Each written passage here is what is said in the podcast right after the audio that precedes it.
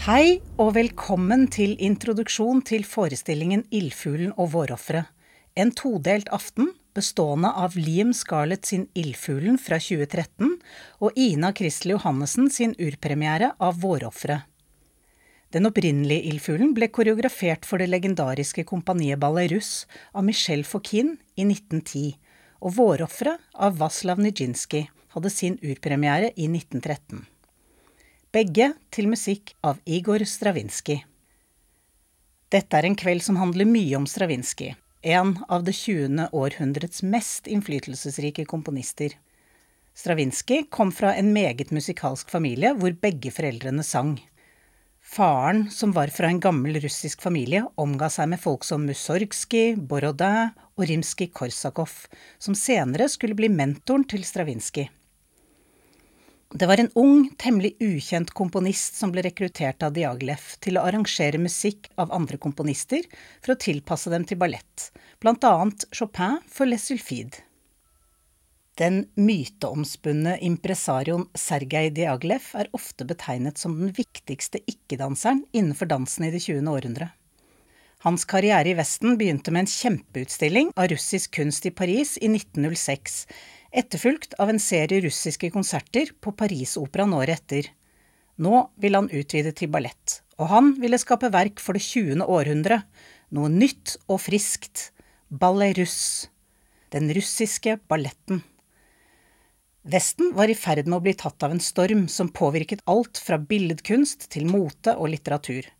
Dette var noe verden ikke hadde sett maken til. Ildfuglen ble skapt i 1910, deretter fulgte Petrusjka i 1911 og Vårofferet i 1913. For begge kveldens koreografer kom musikken først. Det var den som inspirerte og ledet veien til både innhold og form. Operaorkesteret skal spille, og de skal ledes gjennom kvelden av Andrew Litton. Litton er en meget allsidig musiker. Han har vært pianist for både Natalia Makarova og Rudolf Nureyev, sjefsdirigent for Bergen Filharmoniske Orkester i mange år, har dirigert for ledende orkestre over hele verden, spilt inn rundt 130 innspillinger, har vunnet en Grammy og er utnevnt til ridder av første klasse av Den kongelige norske fortjenesteorden. Selv om han spilte Vårofre for første gang i 20-årene, er det bare tre år siden han begynte å dirigere for ballettkompanier. Han hadde da dirigert i 38 år, og sier selv at han ville ha nye utfordringer. Mye av den fineste musikken er ifølge ham ballettmusikk. New York City Ballet tok kontakt med ham, og ettersom han syns repertoaret deres er spennende og interessant, takket han ja, og er nå deres sjefsdirigent. Grunnleggeren av kompaniet George Balanchine og Stravinskij var for øvrig gode venner. Stravinskij var ikke Diaglevs førstevalg. De to første er komponister de fleste av oss ikke har hørt om i dag, så heldigvis takket de nei, og samarbeidet førte til musikkverk som er kjent langt utover ballettpublikummet. Her skal dere få høre et lite utdrag fra Ildfuglen.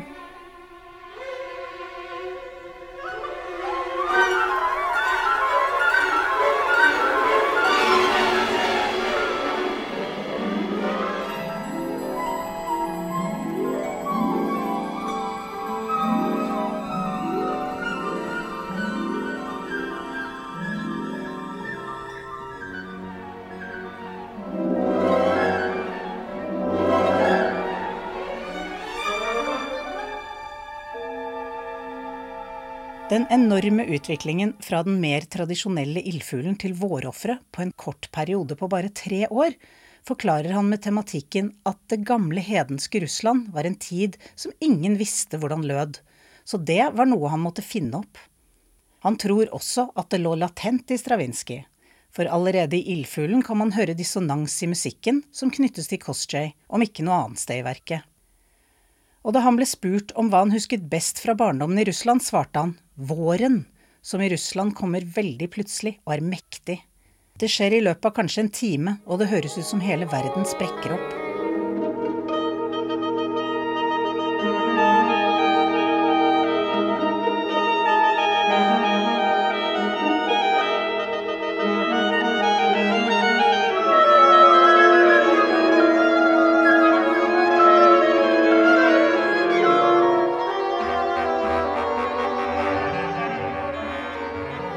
For det sofistikerte Paris-publikummet ble vårofre vanskelig å svelge. Partituret inneholder mange nye elementer for sin tid, og mange eksperimenter når det gjelder rytme og tonalitet. Etter suksessene Stravinskij hadde hatt med Ildfuglen og Petrusjka, var forventningene skyhøye, og da lysene slukket, var det nok noe i den retningen de hadde forventet å høre. Fra de første tonene i overtyren, hvor en fagott spiller helt utenfor det vanlige registeret, begynte uroen i salen. Noen har beskrevet det nærmest som opptøyer. Publikum begynte å bue høylytt og etter hvert krangle seg imellom. De som var for, og de som var imot. Mange forlot salen. Det som er sikkert, er at uroen i salen ble så høylytt at danserne ikke lenger hørte orkesteret. Det var da den kjente episoden med Nijinsky skjedde.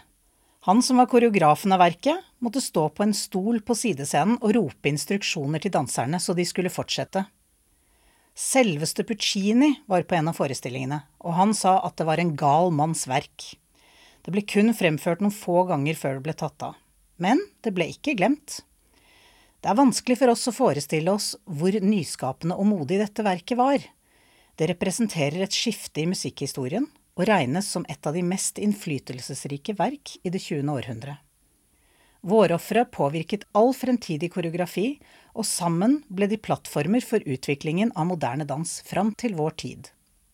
Musikken er et av de mest fremførte verkene i de store konsertsalene i verden, og noe enhver dirigent må mestre. Her er et utdrag fra Vårofferet.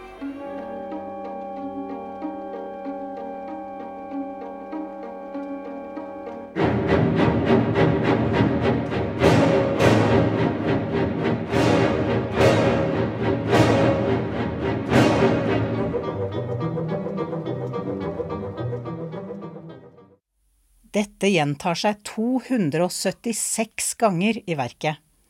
Da Stravinskij først spilte Vårofferet på piano for Diaglev, spurte han hvor lenge det skulle fortsette sånn. Da svarte Stravinskij til slutten, min venn. Analyser viser at han har lånt en del fra folkemusikken, noe han selv benektet, men mest av alt lånte han fra seg selv. Han lagde flere versjoner av verkene sine, og dermed skapte han nye åndsverk som han fikk betalt for. Stravinskij elsket enorme orkestre. Der et vanlig orkester har for eksempel to til tre fløyter og fire horn, har disse verkene fem fløyter og åtte horn. Så det er bare å glede seg til denne mektige musikken. I 2013 programmerte Ingrid Lorentzen sin første sesong som ballettsjef, og hun begynte like gjerne med en hyllest til en av tidenes største ballettkoreografer, Michelle Fauquin, som koreograferte over 80 balletter i sitt liv. Ingrid kalte kvelden, som besto av ikke mindre enn fem verk, for I Fokins verden. Ildfuglen var en av ballettene i denne forestillingen, og ble opprinnelig koreografert av Fokin, en av sin tids beste dansere og en modig og original koreograf. Han var en renessansemann, intellektuell, filosof, han malte, spilte mange instrumenter, studerte gresk og egyptisk mytologi og skulptur. Han var en av de viktigste kreftene i Ballerus, og hans ideer har vært formgivende for utviklingen av ballett. I de første årene av 1900-tallet presenterte han følgende manifest for ledelsen i Marinskij-teatret i St. Petersburg. Ingen ferdige trinnkombinasjoner. Ingen miming kun for underholdning. Danserne skulle uttrykke seg med hele kroppen, ikke bare hendene og bena. Hele gruppen skulle være med, ikke bare posere i bakgrunnen. Og han ville ha en allianse med andre kunstformer. Alle delene skulle være like viktige og i harmoni med hverandre. Dette var banebrytende tenking på denne tiden, og ble ikke tatt godt imot av ledelsen. De syntes han var for radikal. Samarbeidet mellom Diaglef og Fokin fortsatte til koreografen sluttet i protest mot at Nijinsky, som var elskeren til Diaglef, fikk mer prøvetid enn ham. Da Nijinsky giftet seg, på en turné der Diaglev ikke var til stede, ble han avskjediget, og Fokin ble tatt inn igjen som koreograf. En forutsetning for at Fokin sa ja til dette, var at ingen av Nijinskys balletter skulle fremføres av kompaniet. For en tid det var. Navn som Chanel, Picasso, Matisse, Prokofjev var en del av miljøet rundt Ballerus. Det ryktes at Chanel og Stravinskij hadde et forhold, iallfall skal hun ha påstått det. Ballerus sine første sesonger påvirket alt fra billedkunst, musikk, mote til litteratur. Dette var noe verden ikke hadde sett maken til. Liam Scarlett, bare i begynnelsen av 30-årene og huskoreograf for Royal Ballet, er et unikt talent.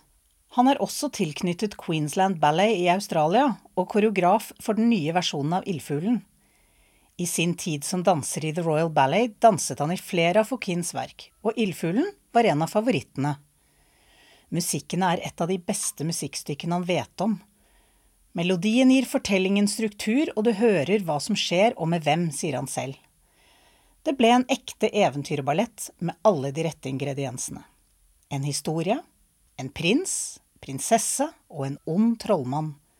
Men han hadde ikke lyst til at figurene skulle være bare onde eller bare gode. Han ville at de skulle ha begge deler i seg, slik vi mennesker er i virkeligheten. Ingen er bare ond eller bare god, sier han. Scarlett sa at den største utfordringen var å få Fokin sin versjon ut av hodet. Han ville gjøre den til sin egen, men samtidig ære den gamle. Den opprinnelige versjonen av Ildfuglen kan føles gammeldags for oss. Han ville ikke skrive om eventyret, men gjøre det til sin egen. Balletten ble en stor suksess, og en kritiker fra Financial Times skrev at Ildfuglen hadde fått en Game of Thrones makeover. Scarlett skapte Ildfuglen i nært samarbeid med scenograf og kostymedesigner John Bowser. Psykologisk troverdighet var viktig for dem begge. Likevel fant de frihet i at Ildfuglen foregår i en eventyrverden. Å arbeide med en myteverden som i Ildfuglen gir frihet i utformingen av skikkelsene. Jeg kan bruke det at de er overnaturlige skapninger, og forstørre enkelte karaktertrekk eller følelser i dem. De trenger ikke være helt og holdent menneskelige, selv om de naturligvis skal være til å tro på og til å kjenne seg igjen i, sier Scarlett. Visuelt var det en blanding av inspirasjonskilder, fra eventyrene, ballettradisjonen, Russland, Fabergé og faktisk også Oslo. Her finnes elementer både fra operahuset og andre kjennemerker i byen. Liam Scarlett ser på det som en historie om indre og ytre maktspill.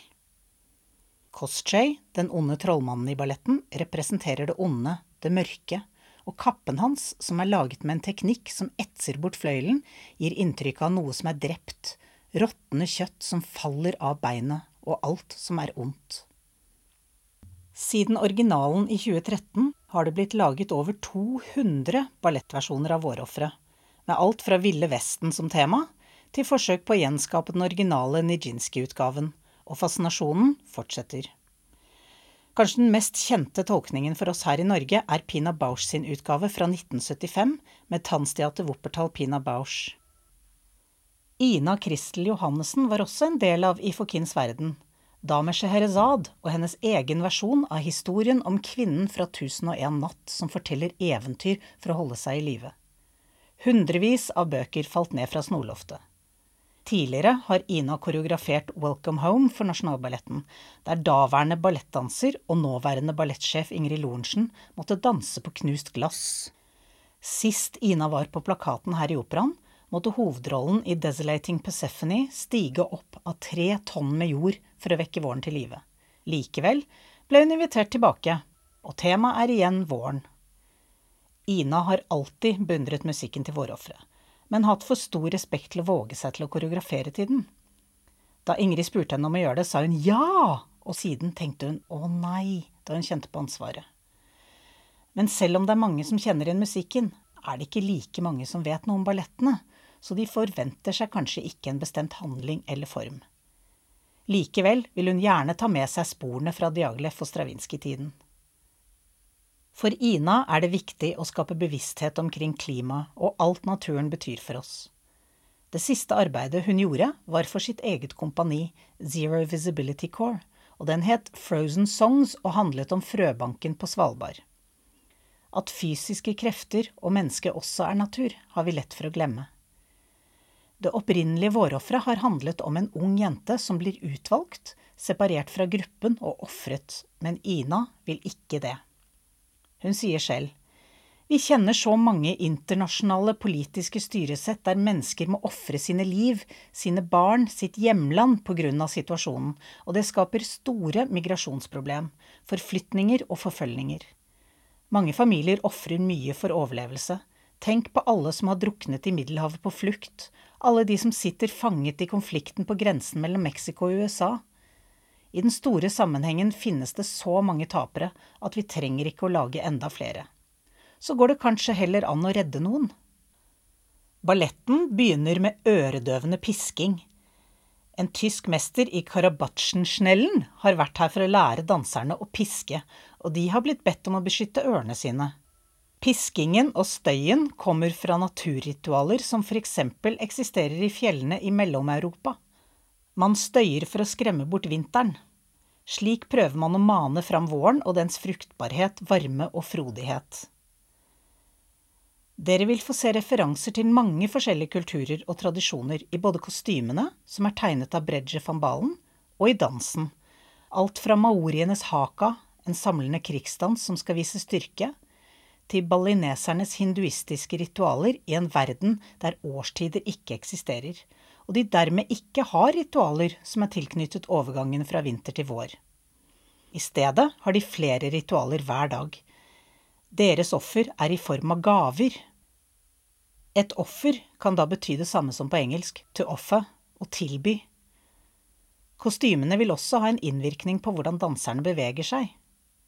Ina vil kontrollere det helt enkle, vise noe som ser helt tilfeldig ut, eller som et kaos, der man ikke fatter systemet, hvordan personene på scenen er organisert.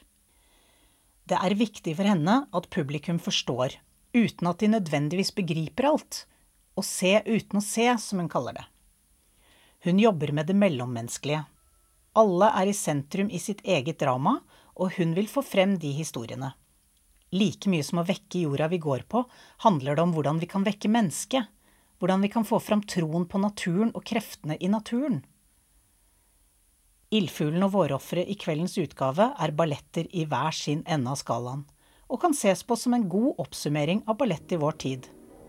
Sammen med den aller beste ballettmusikken, spilt av operaorkesteret, kan man ikke annet enn å regne med at dere får en stor opplevelse. Da gjenstår det bare å si at jeg heter Gabrielle Lihi Tilson, og ønsker dere god fornøyelse.